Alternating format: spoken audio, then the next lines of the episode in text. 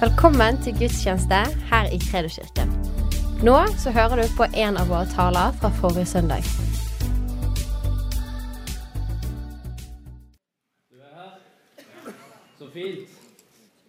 Det er så bra å komme sammen og tilbe Gud og høre Guds ord. Ha fellesskap. Eh, Og eh, det kan du ta med disse lappene etterpå. Og så, men vi takker deg, Herre, for at du eh, kommer til å tale til oss i dag. Takk, Far, for det er ditt ord det er levende og virkekraftig, og det hjelper oss til å forstå din vei, din plan, din hensikt. Og ber, Herre, om at du skal hjelpe oss å se og få innsikt i dag, Herre. I vårt eget liv, omstendigheter, ting som vi skal gjøre, Herre. I Jesu Kristi navn vi takker for det. Amen. Yes. Du var så stille i dag. Skal vi se Det er noe sånn eh, gjenklang her bak i monitoren. Der forsvant det, tror jeg. Skal vi se, bare prate litt. Det er fremdeles litt sånn gjenklang her av en eller annen lyd som kommer til å forstyrre meg når jeg kommer i gassen her. Det, skal vi se hvorfor det er sånn lyd. Skal vi se. Tror det forsvant nå. Der. Ja, må bare få det vekk. Eh, Bra. Da er vi klar. OK? Eh,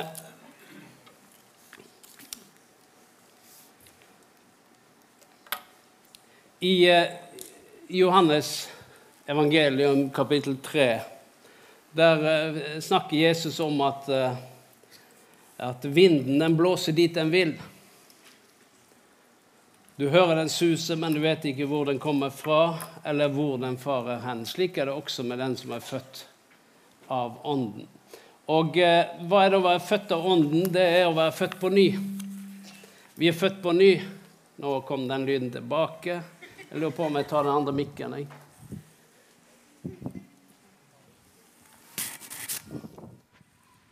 Skal vi se. Dette var bedre. Yes.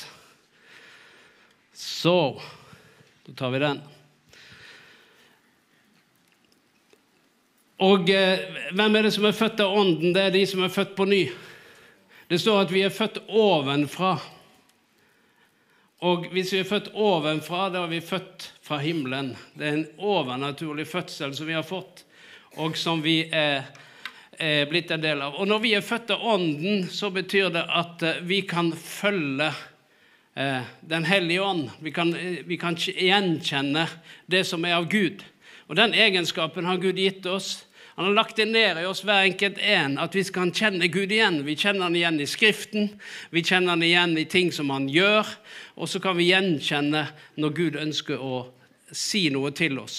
Noen ganger er det jo sånn at vi kjenner igjen eh, Jeg vet ikke om du har lest Bibelen, og plutselig så kommer det jo noe ut av teksten som bare snakker til deg. Og det er Den hellige ånd som prøver å kanskje fortelle deg noe eller styrke deg, eller gi deg et ord i en bestemt situasjon.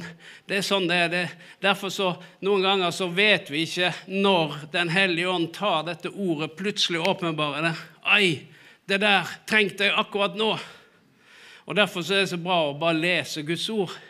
Selv om du eh, Det er jo sånn Jeg er jo pastor, men det er ikke sånn at jeg alltid har Jeg har stort sett ikke en sånn følelsesmessig eh, sak når jeg leser Guds ord. Jeg leser det. Om jeg føler for det eller ikke føler for det, så leser jeg det likevel. Og mens jeg leser, så plutselig begynner Den hellige ånd å tale til meg. Og hvorfor det? Jo, fordi at den som er født av Ånden Og det er vi, hver enkelt en. Vi har fått den evnen til at Gud taler til oss mens vi går, mens vi vandrer. Og eh, så står det at eh, den som er født av Ånden, den er som vinden. Hva betyr det? At vi er som vinden? Det betyr at Gud, han er jo bevegelig. Han er ikke statisk. Guds ord, det står fast, men likevel er Gud bevegelig. Og eh, derfor når, når Og så sier han at de som er født av Ånden, de skal være fleksible, slik at en følger Den hellige ånd, følger Gud der han beveger seg.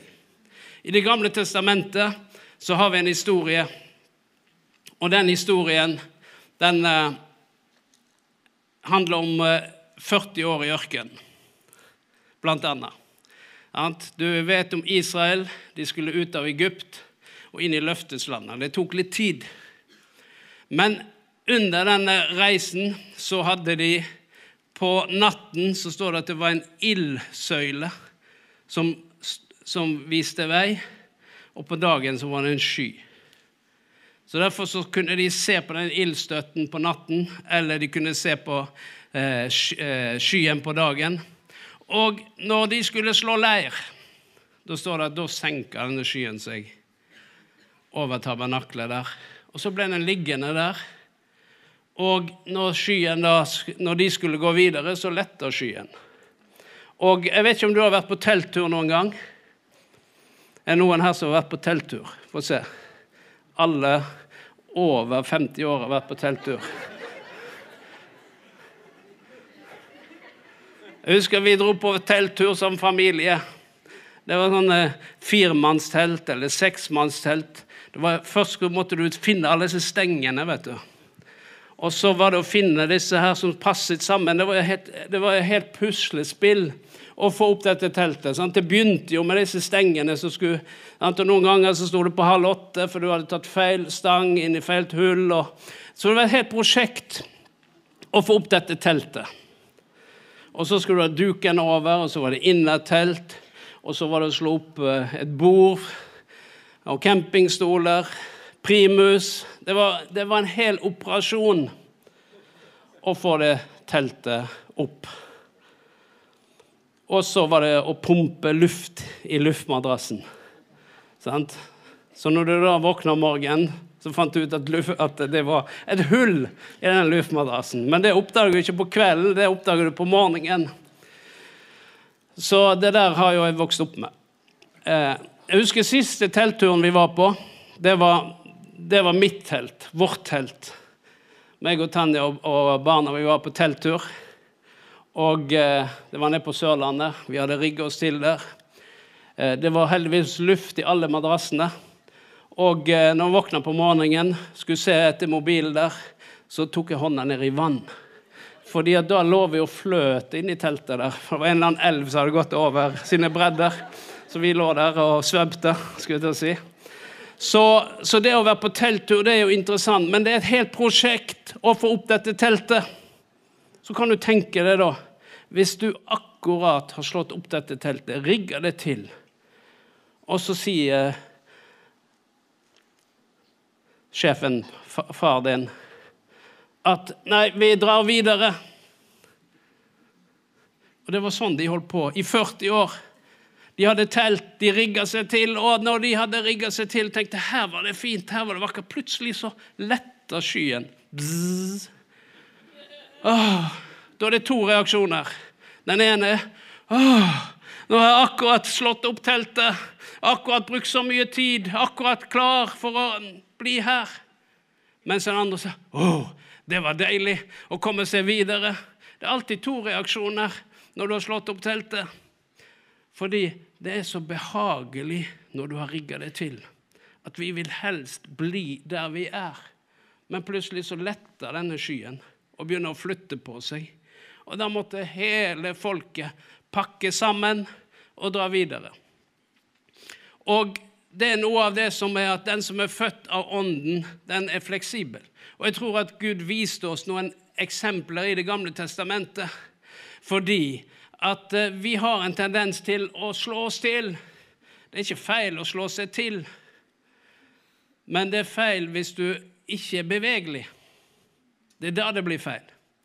Fordi at eh, det å være fleksibel, det er en egenskap som jeg tror eh, Gud har gitt oss.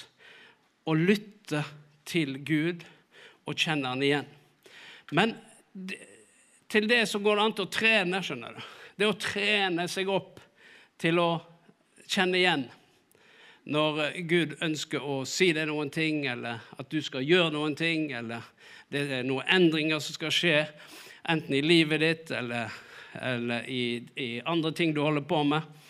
Og eh, det er jo sånn Bibelen sier at eh, kroppslig trening det er nyttig til noe, står det. Det å trene det, å, det, kan være nyttig til noe. Den oversettelsen jeg leser, der står det at det var nyttig til lite. Så det er det jeg har praktisert. At kroppslig øving er nyttig til lite. Så det er det. Så, så det er litt sånn forskjellig. Det er sånn, bare sånn tips at hvis ikke du liker den oversettelsen du leser, så finner du bare en annen som passer litt bedre inn. Så, så jeg har praktisert den at det er nyttig til lite. Men trening det utvikler noen ting hvis du trener.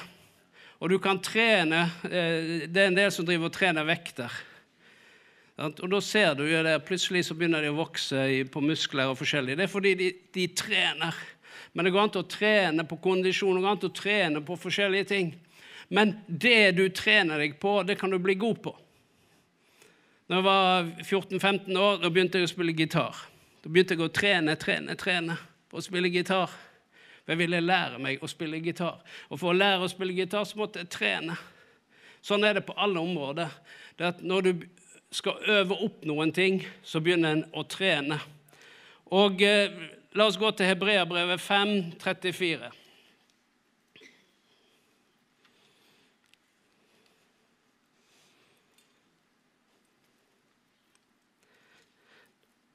Fem 14, mener jeg.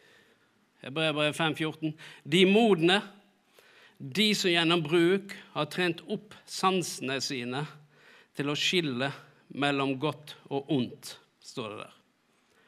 Han snakker til de modne, de som gjennom bruk har trent opp sansene sine til å skille mellom godt og ondt. Så her kommer det òg dette med trening. Det var noen som hadde trent opp sansene sine. Du vet, Vi har forskjellige sanser. Vi har hørsel, vi har smak, vi har syn. Vi har eh, lukt og følelser. Alt det der er de naturlige sansene som vi har. Og det er jo slik at eh, fra vi er små, så begynner vi å trenes opp til å kjenne forskjell på de forskjellige ting. Søtt og surt og salt. Kjenne på smaken. Kjenne det, eh, lukt. At det er ikke alltid de kjenner sin egen lukt, men foreldrene kjenner lukt av en bleie, f.eks. Altså, vi kjenner igjen lukten fordi vi vet hva det er for noe. Og eh, hvis det er fyr i peisen, og du kommer nærmere, så kjenner du varmen. Hva vet du da? Du skal ikke ta på den peisen, for du vet at da kommer det til å brenne deg. Det er fordi at vi har trent opp til å kjenne igjen ting. Kjenn igjen sansene. Kjenn igjen hvis du lukter et eller annet du før du skal spise, og du skjønner det her det er bederva, det her eh, lukter som om at det er eh, Det her bør jeg ikke spise, for du kjenner det på lukten. Og eh, det er fordi at vi har trent opp sansene våre, og det der er ting som utvikler seg over tid. Og det gjør at fordi en har trent opp sansene, så kjenner du ting igjen. Hvis du har spist noe som lukter vondt, og du blir syk i magen etterpå, så er det det at neste gang så gjør du ikke det. Hvorfor det? For du kjente igjen den lukten. Og så står det her at eh, de modne Altså, det er de som har vokst til. Det er de som har trent, står det. Det er de modne. Det er de som har trent. Og hva er det de har trent på? Jo, gjennom bruk, står det. Gjennom bruk har de trent på å utvikle sansene til å skille mellom det som er godt, og det som er ondt. Så det betyr at Den hellige ånd som bor i oss, han vet hva som er best for oss. Og når vi kjenner igjen dette, så kan vi lære oss til å vurdere hva vi skal gjøre. Vi har Guds ord i bånd. Det står at eh, i, i Romerbrevet kapittel 12 og vers 2 så står det at, eh, at vi kan forstå hva som er Guds vilje. Det gode, det velbehagelige, det fullkomne, det som er til Guds behag. Det kan vi kjenne igjen fordi det står at en har fornyet sinnet. Og hvordan fornyer vi sinnet? Det gjør vi ved Guds ord. Dvs. Si at vi kjenner igjen ved Guds ord hva som er rett, og hva som er galt. Men òg i forhold til det å trene opp sansene våre, slik at vi kjenner igjen ting mens vi går. Det står 'ved bruk'. Vi utvikler noen ting. Vi bruker det vi har fått. Og når vi bruker det, så begynner vi å kjenne igjen. Men dette her er bra for meg. Dette er ikke bra for meg. Dette er et riktig valg. Dette er et feil valg. Det står at uh, Den hellige ånd den uh, kan lede oss ved det indre vitnesbyrdet. Det er noen ganger som kan kjenne fred og uro over valget du skal ta. Og det er disse sansene. At du kan kjenne igjen hvorfor kjenner jeg sånn uro hver gang jeg skal gjøre dette. Eller hver gang jeg skal bestille denne reisen, eller hver gang jeg skal ta denne avgjørelsen, så kjenner jeg sånn uro. Da skal du stoppe. Da skal du ta et steg tilbake.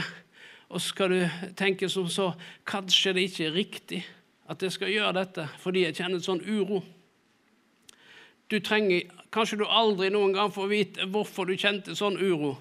Kanskje du får vite det en dag i himmelen. Så sier Herren, 'Husker du den gangen du kjente sånn uro, du skulle dra på den og den turen, og du gjorde det ikke?' Nå skal jeg vise deg hva som hadde skjedd hvis du hadde gjort det. Så Derfor er det slik at eh, Den hellige ånd hjelper oss i beslutninger. Han hjelper oss og leder oss. Og så vil han at vi skal være fleksible. Så når skyen letter, så er spørsmålet kjenner vi igjen når Gud prøver å fortelle oss noen ting. Og det er denne treningen går ut på. Trenes på å kjenne igjen. Og eh, det som er at denne egenskapen, den har vi alle fått. For disse smak, hørsel, syn, lukt og følelse, hva er det for noe? Det er egenskaper som vi alle har fått for å hjelpe oss til å navigere. Og det er det samme med disse sansene som vi har inni oss, Den hellige ånd. Den hjelper oss til å navigere i livet. Navigere i beslutninger. Navigere i prioriteringer. Og han er den gode hjelper. Den hellige ånd, står det. Han er hjelperen, og han hjelper oss til å følge eh, Jesus, og han hjelper oss til å ta gode valg. I Johannes' åpenbaring så, så eh, står det at det er et brev til de syv menighetene. De syv menighetene. Eh, og hvert brev de avsluttes med 'Den som har øre, han hører hva Ånden sier til menigheten'. Du, jeg vet ikke om du har lest det, men i hvert fall så, så den som har øre, han hører hva Ånden sier til menigheten. Så er spørsmålet var det slik da at det var ikke alle i den menigheten som hadde øre. Var det derfor han skrev det? Fordi at det var bare noen få som hadde øre. Og dere få som har øre Nei, han skrev det til hele menigheten, for hele menigheten hadde øre. Men hvilket øre snakker han om? Er det dette øret, dette fysiske øret? Nei, han snakker om å høre og kjenne igjen hva Ånden sier. Det betyr at vi har en åndelig hørsel. Og det er det vi kan trene opp, denne hørselen til å kjenne igjen. Til å høre hva Gud sier til deg personlig. I situasjoner, i avgjørelser du skal gjøre. Så har vi fått denne hjelpen.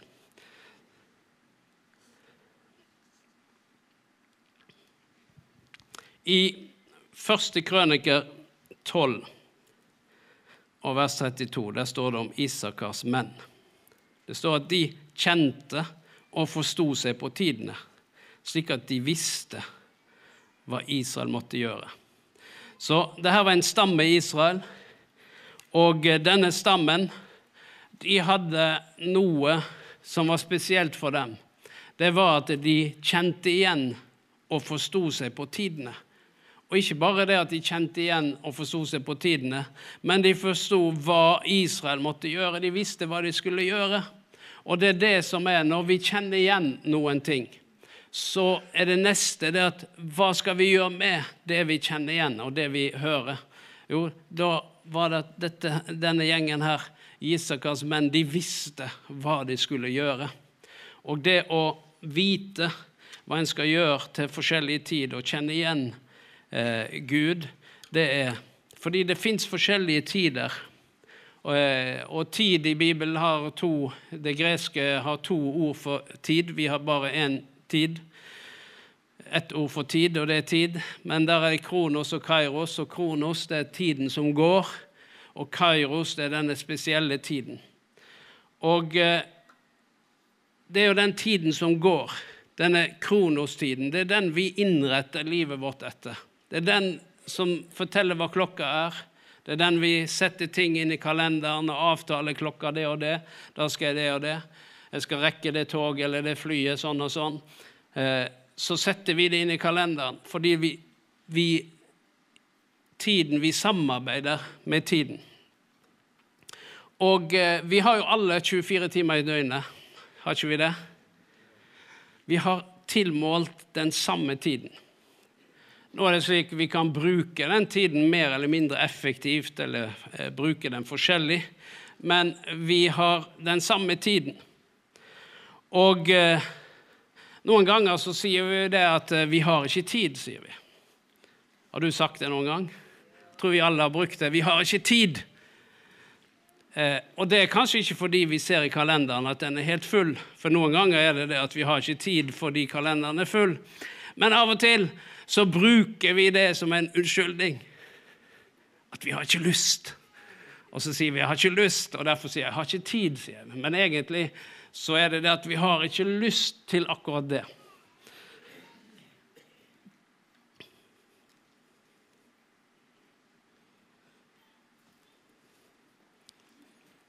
Men andre ganger så bruker vi det bare som en unnskyldning for at uh, vi tenker det, nei, har litt vanskelig for å si nei. Men noen ganger så, For det er litt ubehagelig å si nei noen ganger. vet du. Men av og til så er det fordi at eh, det passer ikke inn i våre prioriteringer, og det er helt greit. Det er helt greit at du har ikke tid til det fordi du har prioritert noe annet. Og da er det riktig at vi har, jeg har ikke tid. Men vi har alle den tilmålte tiden hvert døgn. Og eh, eh, Så derfor så er det slik at vi har tid til det vi prioriterer, som jeg sa. Altså det, at vi bruker tiden godt. Vi setter det viktigste først. Og eh, jeg, jeg, har tre P-er på dette, eh, som handler om eh, de tre P-er om, om tid det er det at eh, det første Det du har pasjon for, det som er viktig for deg, det, har, det som eh, har en drivkraft i deg, det som er pasjon, det vil du prioritere. Så pasjon gir prioritering, og så legger du inn i planene dine. Og det er de tre, eh, de tre p-ene pasjon, prioritering og planlegging. Og det er slik at hvis du har pasjon for noen ting, så er det utrolig hva vi får tid til.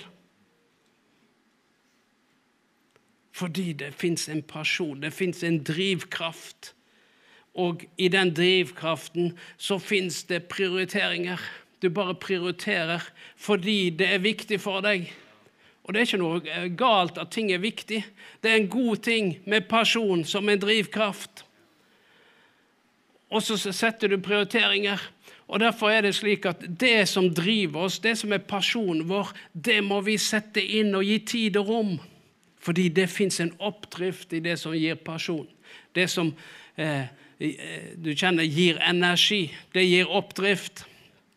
Og når du da legger det i timeplanen din, så skal du kjenne at det, det, blir noe positivt i det.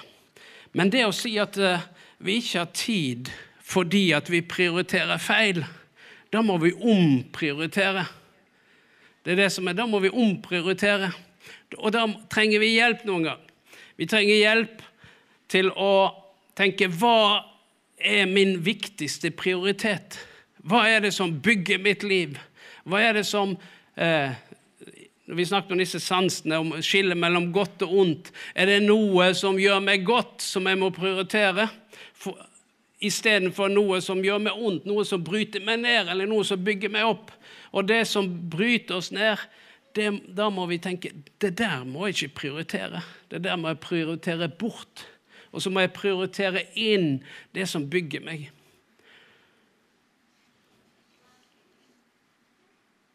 Fordi tiden, den har vi, og den disponerer vi på en god måte. Og eh, denne tiden, kronos, den er tiden som går, og vi bruker den slik som eh, vi best mulig ønsker for vårt liv, for våre familier. Eh, om det er menighetsliv, om det er andre ting som vi gjør, så, så legger vi disse prioriteringer. Men kairos det betyr en annen tid. Det er en mer spesiell tid. Og Noen ganger er det slik at Gud han jobber i en spesiell tid fordi han ønsker å gjøre noen ting. og Derfor så har denne tiden, denne spesielle tiden den har òg et navn i Guds ord. Eh, noen ganger kaller vi det Guds tid. Og eh, Jesus han talte til eh, folket, og så sier han det Ja, hvis det, hvis det er, er rødt når solen går ned, da sier du i morgen blir det fint vær. Men eh, hvis det er skyer i vest, da sier du i morgen blir det regn. Og eh, hvis det kommer vind fra sør, så sier den nå blir det varmt. Så han sier dere hyklere, sier han, dere kan tyde været. Men det å tyde Hvorfor klarer jeg ikke å tyde denne tiden? Altså Det er noe med denne spesielle tiden. Det å tyde den tiden som vi er i. Da sier han det, det klarer de ikke. Og så kommer han ridende bare noen uker etterpå kommer han ridende ned mot Jerusalem. Det var palmesøndag. Og så står det at han, da han så Jerusalem, så begynte han å gråte. står det. Han begynte å gråte fordi han så at denne byen kom til å bli, bli uh, brutt ned eller, eller uh, tatt uh, av fienden. Og så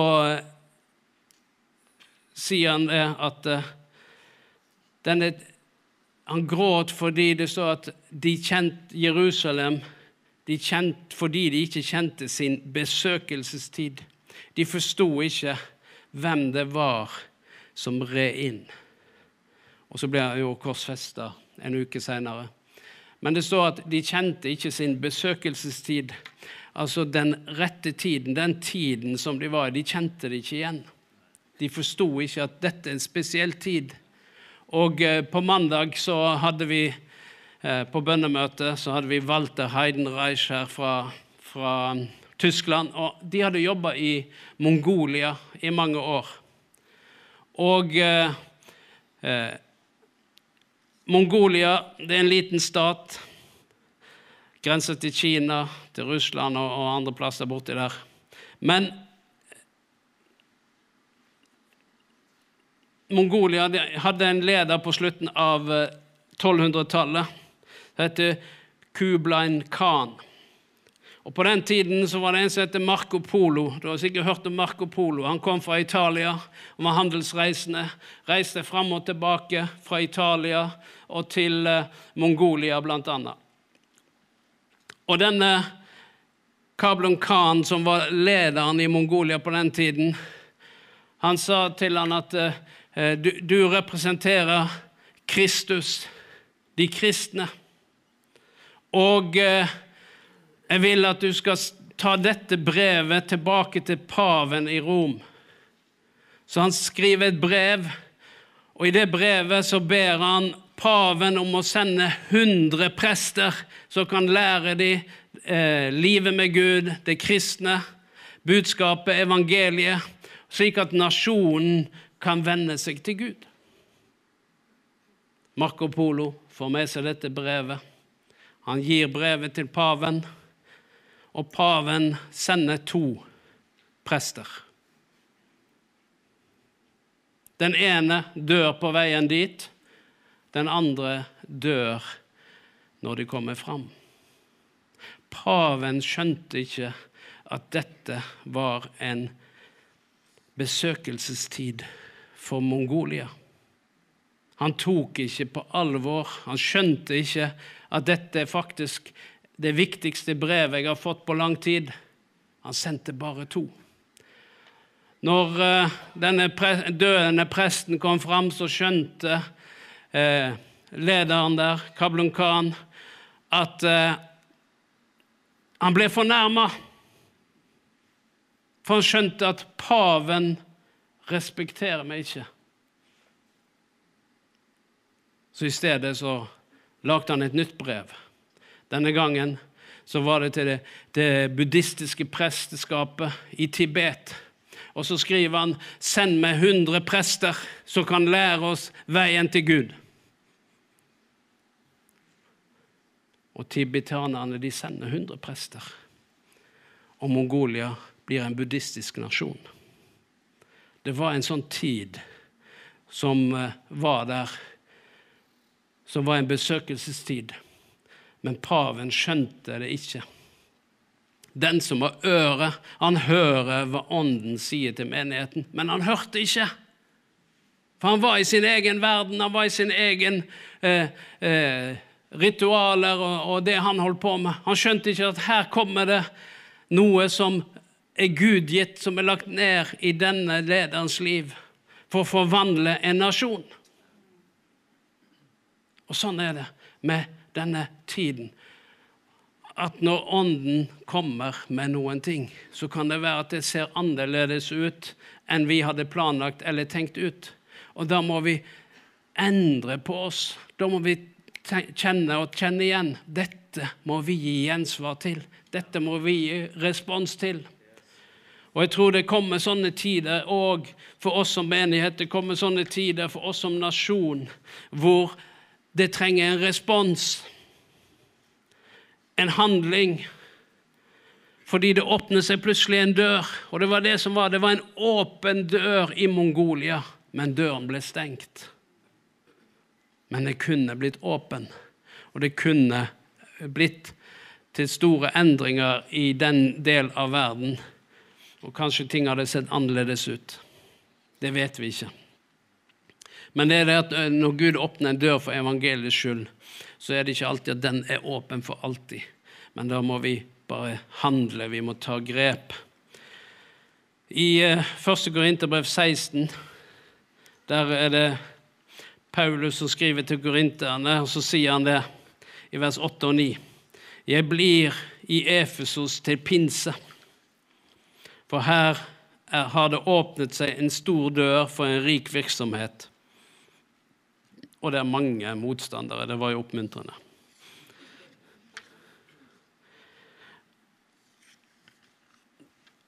Men Paulus sier noe til korinterne. Han sier det 'Jeg blir', sier han. Jeg blir i Efesus. Jeg blir. Og hvorfor sier han at 'jeg blir'? Jo, for det er en hensikt. Jeg blir for en hensikt. Det er at det har åpnet seg en dør for Guds rikes virksomhet. Er en rik virksomhet. Gud har gjort noe her i Efesus som gjør at jeg må endre mine planer. Jeg hadde tenkt å dra, men pga. at det er en virksomhet som åpner seg så blir jeg. Og det er en tid for å bli, og det er en tid for å gå. Det er en tid for å bevege på seg. Det er en tid for å stå. Det står i Forkynneren alt under sol har sin tid. Og sånn er det. Det har sin tid. Men da sier han nå er det tid for å bli, sa han. Fordi Gud har åpnet en dør. Og da må jeg bruke denne åpne døren for en rik virksomhet. Det er jo slik at eh, en åpen dør det gir muligheter, men det gir òg en forpliktelse, et ansvar. Hva skal jeg gjøre med den åpne døren? Skal jeg stå og se på den? Ok, her er en åpen dør. Så fint. Takk og lov. Kumbaya, my lord. Nei, da sa han, jeg blir. Jeg går igjennom den døren som åpner seg her, fordi at Gud har en plan og en hensikt. Derfor går jeg igjennom den døren. Men så sier han da i tillegg at når det åpner seg en dør, så kan det også være at det kommer noe motstand. Og Det tror jeg vi alle har opplevd. At når du skal begynne å gå Guds vei, for du merker dette er veien som jeg skal gå på, så plutselig så er det noe som butter imot. Noen ganger er det, er det omstendigheter, noen ganger kan det være følelsene. Andre ganger er det mennesker som reiser seg opp imot deg, som plutselig, som ikke har ment noe om deg på ti år. Men når du begynner å skal bevege på deg, da plutselig begynner noen som du har sett opp til, eller noen du er i slekt med, til å mene ting om deg og den beslutningen du skal ta.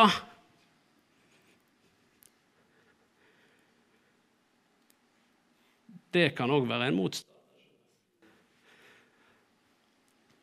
Men der skal du følge denne vinden, Den hellige ånds ledelse, over ditt liv til å ta nye steg.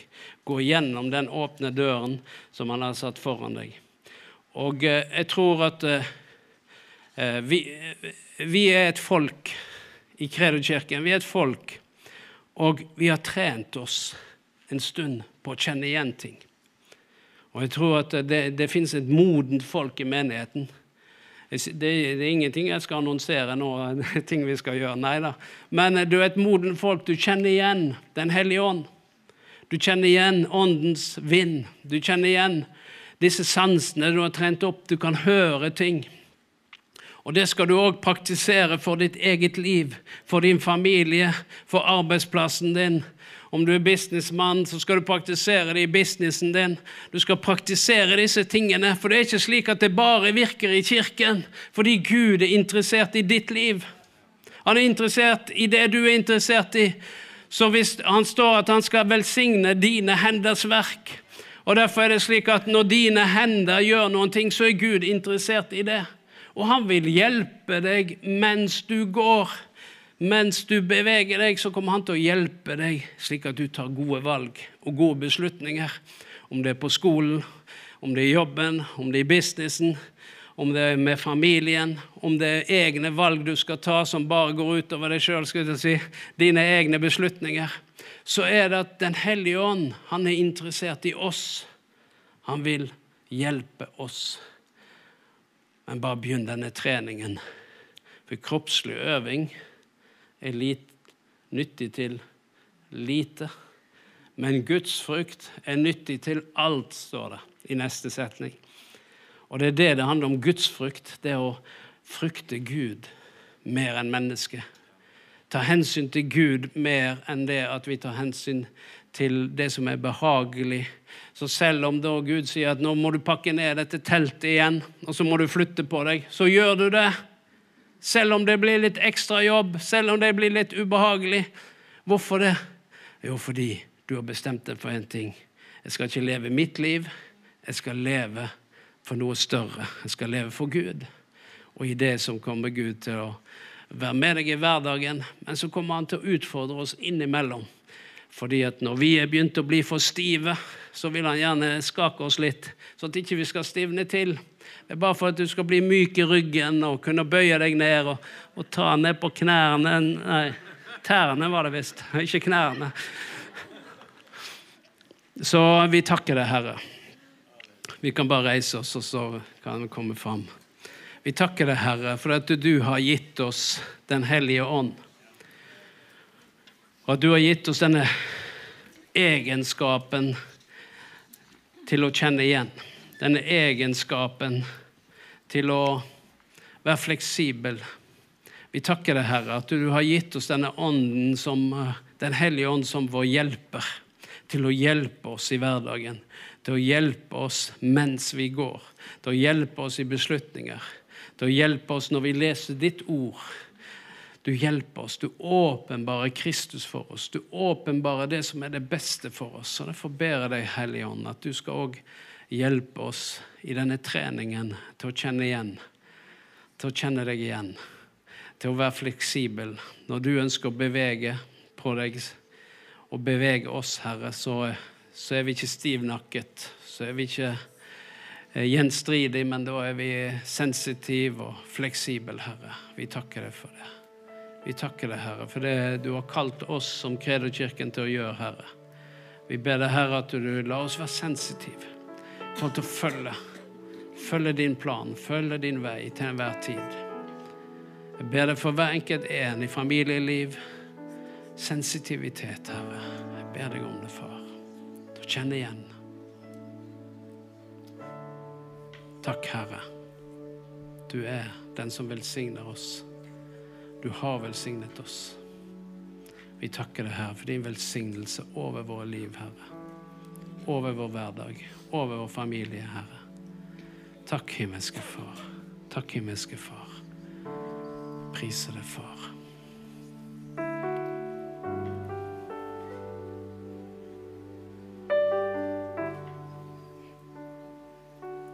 Det er som jeg opplever at Herren sier at det er noen her som står innenfor en, en beslutning som du skal ta, og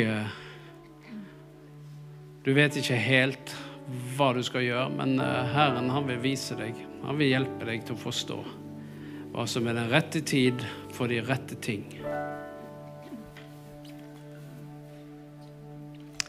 fortaler vi til forvirring om at forvirring og frustrasjon skal bli snudd til inspirasjon og retning.